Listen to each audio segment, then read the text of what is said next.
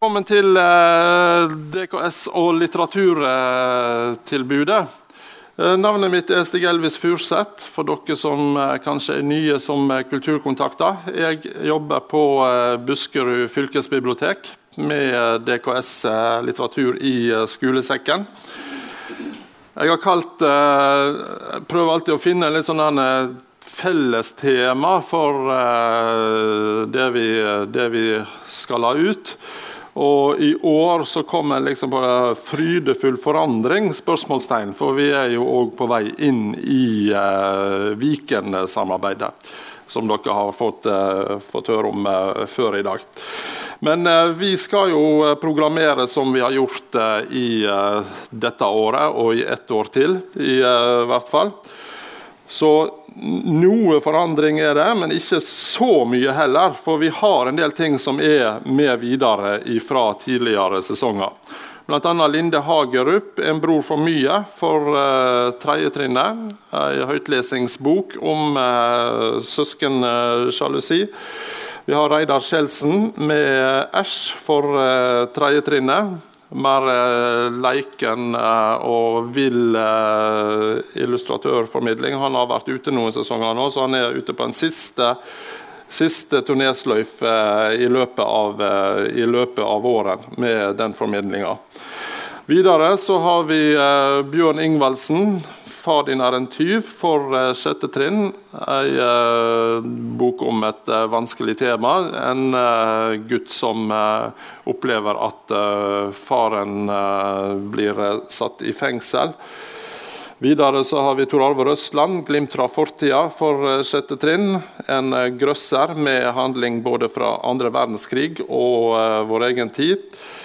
Gudrun Skretting på sjette trinn med 'Tabber og tangenter' så er eh, en eh, humoristisk eh, hverdagsskildring ikke en veldig komedie, forviklingskomedie, tør jeg nesten kalle det.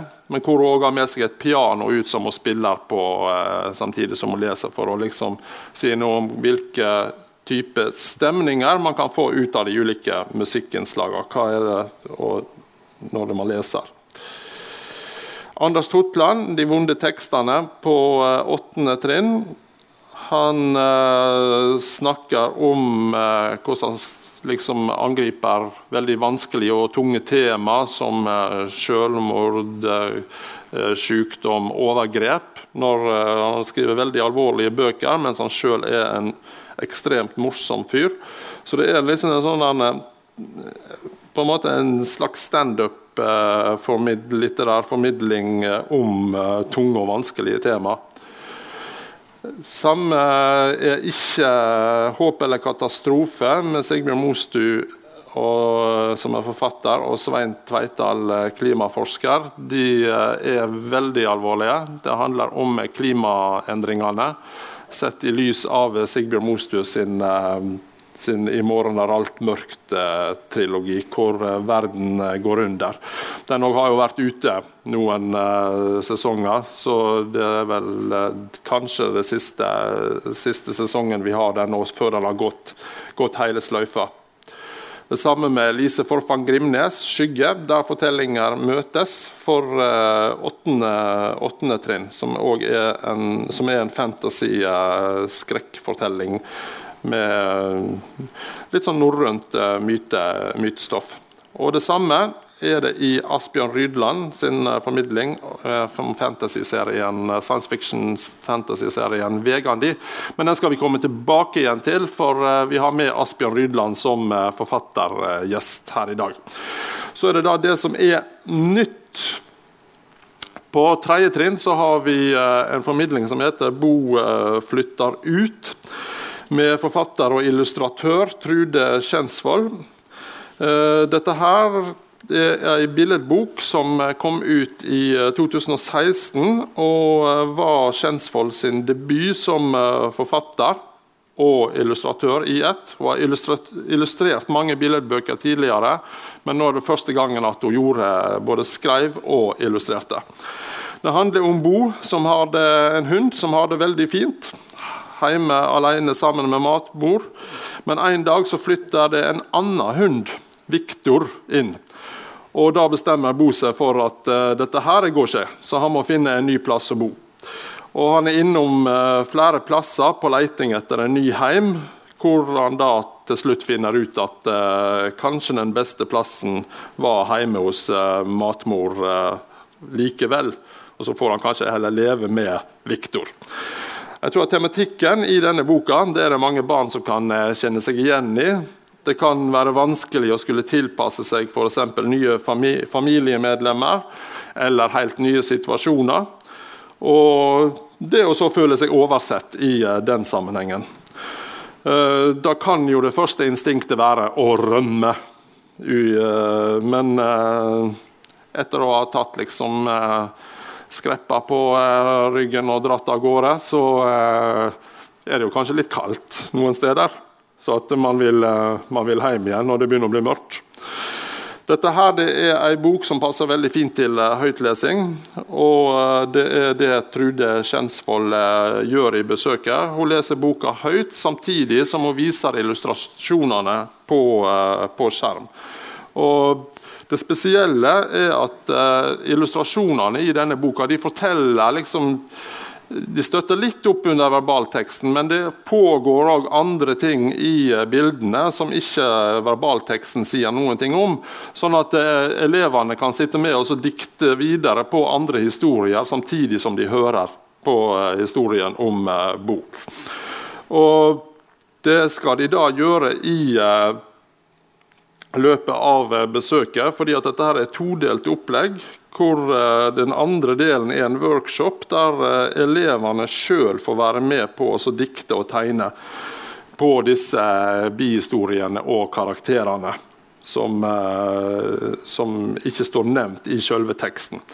Og Med utgangspunkt i det så får elevene bygge videre på sine egne fortellinger og skape nye fortellinger og eventyr i workshop-delen. Videre på uh, småtrinnet, helt uh, flunka nytt den òg. Temmelig hemmelig heter den. Den skifta navn i forrige uke fra hysjhemmelig til temmelig hemmelig. Så hvis dere går på hjemmesidene, så vil dere se at det, det, står vel kanskje hysjhemmelig der fremdeles. Men det er altså temmelig hemmelig. Dette her det er, handler da om å ha hemmeligheter. Og det blir fortalt ifra to bøker. Den første den kjenner dere sikkert eh, til veldig mange. 'Odd er et egg' av Lisa Aisato.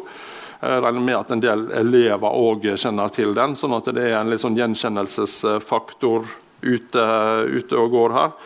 Men eh, spørsmålet som man kan stille seg den bok, om den boka, handlingen i den boka, er at har er egentlig Odd sitt eh, hode et egg? Eh, Hvorfor vil han holde, vil han holde akkurat uh, det hemmelig? Og dette her blir kobla opp imot ei anna billedbok som er skrevet av en som heter René Gauchot, eller noe sånt. Jeg er ikke god i fransk. Den heter rett og slett uh, 'Hemmeligheten'. Uh, handler om Andrik. Andrik syns at anda er noe av det fineste han vet. Så eh, Andrik er forelska. Og Han vil ikke at noen andre skal få vite det, men så en dag så har han jo selvsagt fortalt det til Gåsa, og Gåsa hun kan jo ikke holde tett om noe, så da kommer jo dette her, eh, dette her ut. Eh, forteller Aimi Wallumrød og musiker Ingvild Græsvold de bitter disse to bøkene sammen i ei rammefortelling som da handler om å ha hemmeligheter.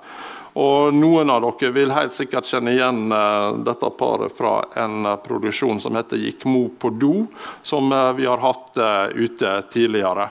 Og Det er på en måte samme konseptet her, med at Aimi forteller og Ingvild spiller, spiller fiolin til og har skrevet ny musikk til. Så har vi på sjette trinn et uh, nytt uh, tilbud. Debutant, uh, bokdebutant der òg, akkurat som Trude Skjensvold. Debutant Maiken Nylund hun er ute med ei bok som heter, skal ut med en bok som heter 'Rikka på ordentlig og forever'. Og Hun kommer til å lese og fortelle fra den boka. Begynner på første turnésløyfa til våren. Og dette her er jo kjempeheldige Buskerud. Får møte være en av de skole, første skolene i landet, tror jeg. Så får møte Maiken Nylund og eh, Rikka, som denne boka handler om. Rikka hun er ei eh, jente på en uh, sånn ti-elleve uh, år i, når boka, boka, første boka begynner. Jeg tror det kom en serie, dette her. Og hun har ei bestevenninne, Lisa. Men så skjer det som ikke skal skje. Lisa hun forelsker seg, og hva skjer med vennskapet da? For Rikka hun er ikke forelska. Hun er skilsmissebarn og har flust opp med steforeldre, halvsøsken og en pappa som bor i en eh, helt annen by. Så dette her det skal handle om eh, vennskap, forelskelse og det å føle seg utenfor når eh, dere får, eh, får Maiken på besøk. Og Veldig flott eh, høytlesingsbok, dette her òg. Og det sånn Maiken Nylund har skrevet seg inn i det nærmest er en sånn trend i tida i bøker for mellomtrinnet. Kan kalle det litt sånn humoristiske hverdagsskildringer med jenter i uh, hoved, uh, hovedrolla. Og så må jeg nevne helt til slutt bestillingstilbud for eh, niende trinn. U-prisen. U-prisen er altså en litteraturpris, for noen av dere kjenner kanskje til den fra før. Det er en litteraturpris hvor det er ungdommer sjøl som bestemmer hvilke bøker som skal nomineres, hvilke bøker som til slutt ender opp som eh, vinner. Og eh, vi har, eh, skal ha en juryklasse fra Buskerud i år. Vi hadde en juryklasse fra Buskerud i, eh, i fjor. altså det som var ja, altså Vi skal ha en juryklasse i Buskerud til neste år. Vi søker etter nå. Men vi hadde en i år òg, hvor Skillingrud ungdomsskole i Nedre Eiker var utvalgt. og Klassen der leste fem nominerte bøker krangla og diskuterte seg imellom om hvilke bøker eh, som eh, de likte best. Bestemte seg for uh, hvilken bok de ville ha som vinner. Hele klassen drog til Lillehammer. Vi betaler den turen. Overnatta på, i en gymsal der. Jeg var rundt i Lillehammer og var på ulike litterære arrangementer. Men så var òg to elever fra klassen utpekt til å være med på storjurymøte der eh, de møtte andre eh, elever som, fra andre deler av landet. og De skulle sammen, da de ble låst inne i et rom, og sammen skulle de da diskutere seg fram til hvem som ble vinner av U-prisen. Og Da er det sånn at da sitter de i det rommet og eh, diskuterer og krangler. Det er helt avlukka. Og når de er blitt enige, så tenner de på en papirlapp i en peis som er der. Og så er det en sånn farga røyk på den papirlappen. Så når uh, hele Lillehammer står utafor uh, lokalet der og bare venter på at røyken skal komme opp fra pipa. Og det må den jo gjøre til slutt. Og da vet de at yes, nå har vi funnet en ny U-prisvinner. Så gjevt er det omtrent. Altså, jeg eh, som jobber mye med ungdomslitteratur, jeg vil si at U-prisen er den største prisen en ungdomsbokforfatter kan, eh, kan vinne. Det eh, som skjer, er at man søker til oss om å få bli klasse. Og når vi har valgt ut en klasse, så må læreren stille på et oppstartsseminar i januar. Og I januar-februar så blir bøkenes fem nominerte bøker sendt ut til eh, klassene. Og I løpet av den leseperioden fram til eh, litteraturfestivalen på Lillehammer i mai, så får også klassen besøk av en kritikerfadder. Tre, eh, tre besøk hvor en kritiker kommer på besøk til klassen og snakker om hva er det man ser etter i en god bok. Hva kriterier er det dere bruker? Og liksom påvirker ikke hvem som vinner, men hjelper elevene til å finne fram til sin favoritt. Og ikke minst hjelper elevene til å argumentere godt for sin favoritt når de kommer til eh, storjurymøtet. Og jeg vet at uh, det var Skillingrud sin favoritt som vant U-prisen nå i vår, med Michael Stilson og 'Bare spille ball'. Men vi har Da er U-prisen nevnt. Vi har en U-prisvinner med oss her i dag. Jeg skal ønske velkommen til Asbjørn Rydland, som vant U-prisen i 2017, var det vel. Vær så god. Takk. Det var altså U-prisen som du, du, vant. Stemmer det. To år siden. Uh, for å presentere det litt først. Du var jo ute en liten runde i vår med, med Galdhøstjerna òg, på åttende trinn. Mm. med litt sånn biografiske data og sånn. Du er fra Seim, rett nord for Bergen. Stemmer. Du er Stril. Men bor i Oslo. Ja. Og du skriver ungdomsbøker. Mest innenfor fantasy-sjangeren eller fabelprosa, som vel er det norske ordet. Og på fatterserien din så har du en serie som heter for Drakeguten. Drakegutten. Den var på fem bind. Og etter det så har det kommet to bøker i serien uh, Vegandi. Var det riktig uttalt? Stemmer. Galdhøstjerna og Draumsende, som vi ser bak oss. Og hvor altså den første boka vant U-prisen. Og så må jeg også si at du driver med live-rollespill på fritida. Og du er en gamer. Ja. Er det noe jeg har glemt? Jeg driver med andre typer rollespill òg, men uh, både live med kostyme og greier, og uh, rundt et bord med nære venner. Med sånn Dungeon and Dragons Ja. med bøker og, Yes. og sånn. Du, leder du mest spill, da, eller er det Ja, dessverre. Ja, Det, det feil ofte til meg at det, det er ofte jeg som ender opp i den rollen. Men uh, ja. det er gøy å gjøre begge deler. Vi skal komme tilbake til et par av disse tingene. Men eh, det er først og fremst eh, den nye serien din og den første boka 'Galdhøstjerna' som eh, elevene i Buskerud da får stifte bekjentskap med. Men litt generelt om fantasy først. Altså, hva, hvorfor valgte du å skrive innenfor den sjangeren? Det er så utrolig mye jobb. Det er veldig mye jobb, men det er òg veldig givende. Og er, jeg tror det er den sjangeren som har gitt meg mest som leser opp igjennom. Fra jeg var liten. Altså De første sterke leseopplevelsene jeg husker, det var med fantasybøker. Enten det var Astrid Lindgren eller andre ting som var uh, mer uh, spissa i den retningen. Så var det noe med den virkelighetsflukta og det å bli dratt med inn i en helt annen, en helt annen verden som jeg synes var veldig, veldig spennende og veldig givende.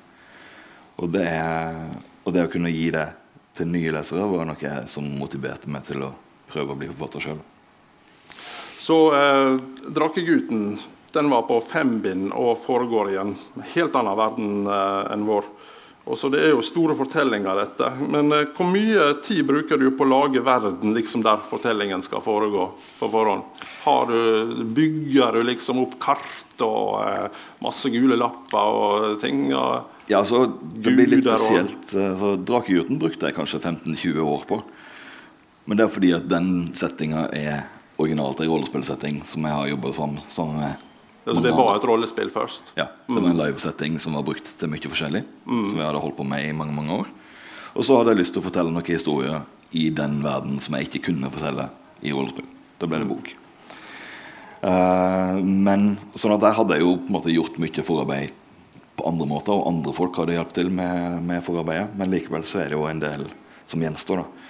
Med Vegandi så er det så starta jeg jo helt fra scratch. Der, eh, eller, jeg baserer meg jo på norrøn mytologi og en del sånn fantasy-troper og mye gaming og popkulturelle referanser og, og sånne ting.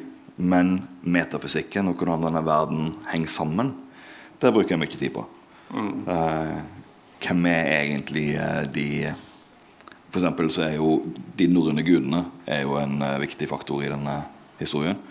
Eh, og hva slags funksjon hver enkelt av de skal ha, hva slags eh, historiske elementer skal ha med, og alt dette her, er, ja, det tar lang tid. Og så blir det fort nye ideer som dukker opp mens jeg skriver. Fordi når jeg skaper et For selv om Vegard foregår i, i vår verden pluss, mm. så har han jo så har jo den, det universet en historie som går parallelt med vår egen faktiske historie tusenvis av år tilbake. Og hvor mye av det jeg skal si noe om, og hvor mye av det jeg må i fall ha tenkt litt på, det, det er vanskelig. Så hvilke norrøne guder som skal få være med i Vegandi? de, liksom det Ja, og hva slags paralleller har de til andre mytologier? Mm. Eh, hva slags rolle har eh, forskjellige fraksjoner innenfor universet spilt i historiske hendelser osv.? Mm. Var Vegandi er jo et navn på ei gruppe med folk, en organisasjon. Eh, hva slags rolle spilte de i andre verdenskrig? i eh, andre tidligere hendelser. Sånne ting. Mm. Uh, men Gallestjerna, personene der, uh, hovedpersonen, han heter Eirik. Han er 16 år. Og han er kompis med en som heter Khalid, og en som heter Maria. En som heter Maria. Og hva kan vi si om, om disse? Det er vel det som binder de sammen, er vel først og fremst eh, felles interesser. Eh, de er alle opptatt av eh, spill. Videospill, dataspill. Og har de, de, samme ja, de samme kulturelle interessene. Og litt de samme som jeg har, egentlig. Altså Tegneserier, fantasy-litteratur, science fiction, film. Og det er gjerne ting som, som, de i hvert fall opplever som en litt sånn smal interesse. De er på en måte et trekløver i, uh, i uh, klassen og i skolesammenhengen. De er litt sånn nerdene på skolen? Ja, til en viss grad. Uten at jeg på en måte reindyrker det sånn ekstremt. Mm. Det er litt sånn Karl og Eirik spiller mye sammen. Maria er en del av det og blir trukket mer mot de fordi at eh, jenter som driver med dataspill, føler seg ofte litt ekskludert. i andre mm. sammenhenger. Men der, der er hun godtatt. Der er det greit. Um, vi kan si at, må kunne si at de lever ganske sånn eh, rikt populærkulturelt liv. ja. Det er de. Uh, og det er jo en ting som jeg har lagt inn fordi jeg syns det er gøy å skrive. Jeg liker det når jeg, når jeg leser bøker som som har en del referanser som jeg kjenner meg igjen i sjøl, så syns jeg det er artig. Det, meg, det, det skaper en litt sånn Det at jeg identifiserer meg med dem. Og det er litt det jeg håper å oppnå med, med, den, med det grepet mm. uh, for dette trekløveret òg. Og så skaper det en litt sånn et skråblikk på den historien som blir fortalt. Uh, eh, F.eks. For hvis de er i en situasjon som er, som er farlig, eller si at de hadde vært i et et, eh, et, hus der det spøker, eller et eller annet sånt. Og noen hadde kommet med et sånt klassisk ok, vi deler oss opp og går og undersøker uh, så, så, stopper de hverandre i det. Fordi alle har sett den filmen, og alle vet hvordan det går. Sånne ting. Mm. Uh, og ja Wars-referanser. Jeg, jeg, opplever jo at Eirik, eksempel, altså ut etter i boka, så kommer de jo i ganske deep shit. Yep. Eh, mektig trøbbel. Eh, de, men Eirik er liksom en sånn Han skal beholde liksom en sånn stoisk ro. Han skal komme med en kul kommentar før han løser problemet. ja.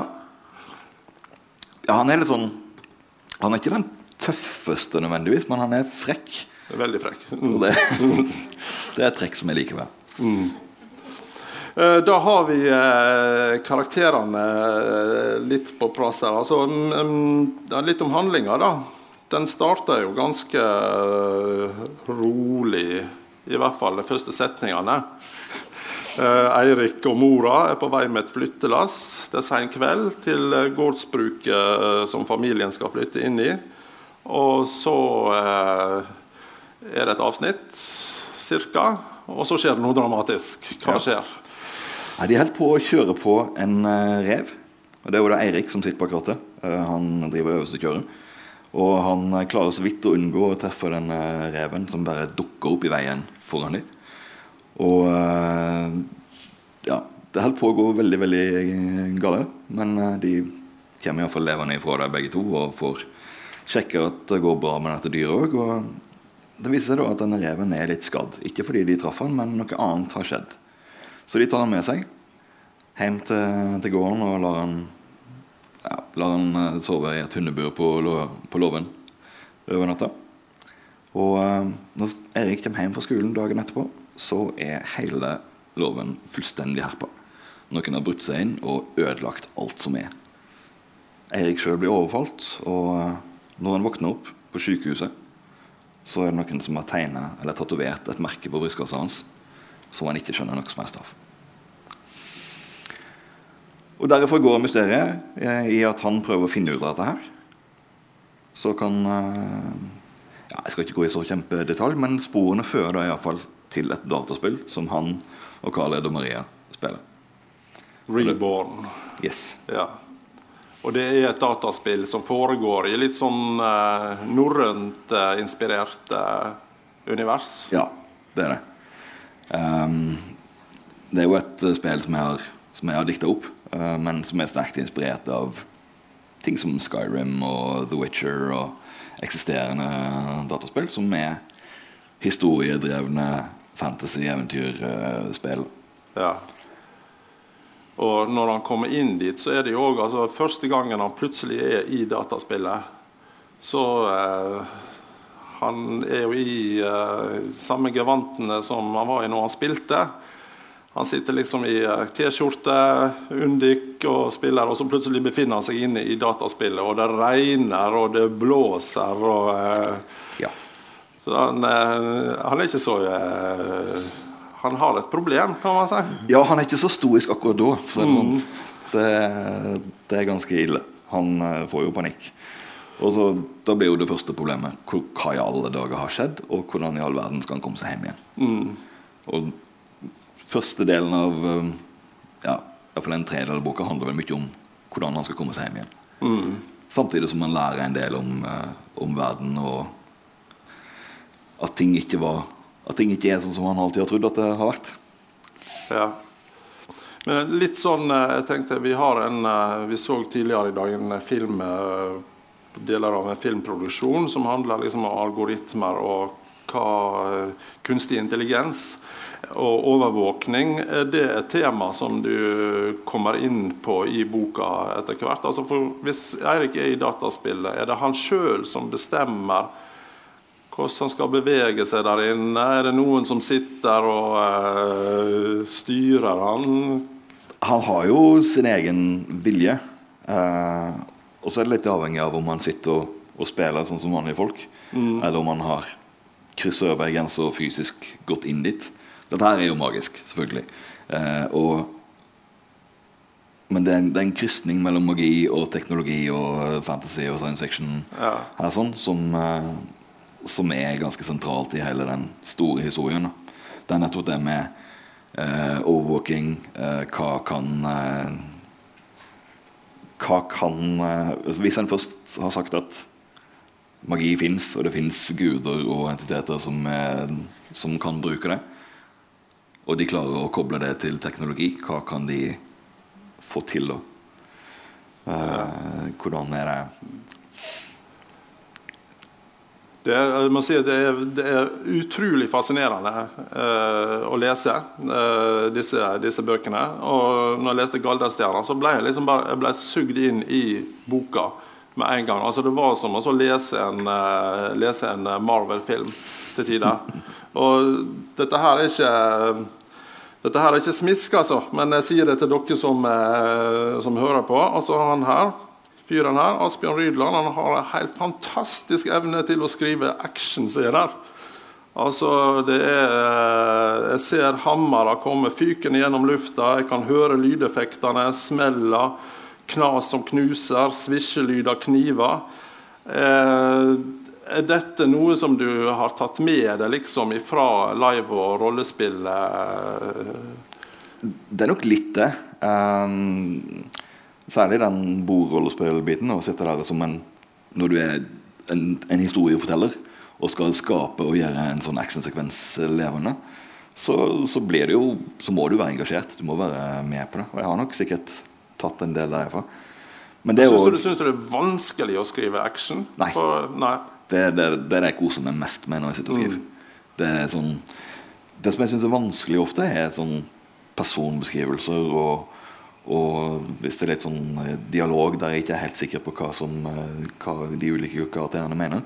Men actionsekvenser og sånn småskumle utforskingssekvenser og sånne ting, det, da, da har det bare gøy. Mm. Det merkes. Ja. Uh, vi uh, er litt på overtid her, uh, her nå, men altså Ungdommer som da leste 'Gallestjerna', de tok den jo uansett til seg. Og uh, dette her med action, dataspill, guder som er liksom Avengers-film verdig, så er det jo er det lett å tenke at dette her er bøker som passer kjempegodt for lesetrøtte gutter. Er det en sånn leser som du har sett for deg når du skriver bøkene? Det, det, Med den, den, debatten som har vært nå rundt gutter og lesing og, eh, og sånn, blant annet? Ikke kun, men, eh, men hvis jeg får lesetrøtte gutter til å, være, til å, lese mer, så er, det, så er det en veldig god ting. Det har helt klart vært en målsetting. Det... Jeg skriver jo Jeg prøver å skrive Altså jeg liker å skrive action. Jeg prøver å skrive på en måte cinematisk og, og eh, på en måte som får spenningstørste gutter til å fortsette å lese. Uh, men uh, jeg vil ikke dermed sagt Jeg vil ikke si at det er guttebok, men uh, absolutt noe som jeg håper at de kan få smaken på. Ja, absolutt. takk skal du ha, Asbjørn Rydland.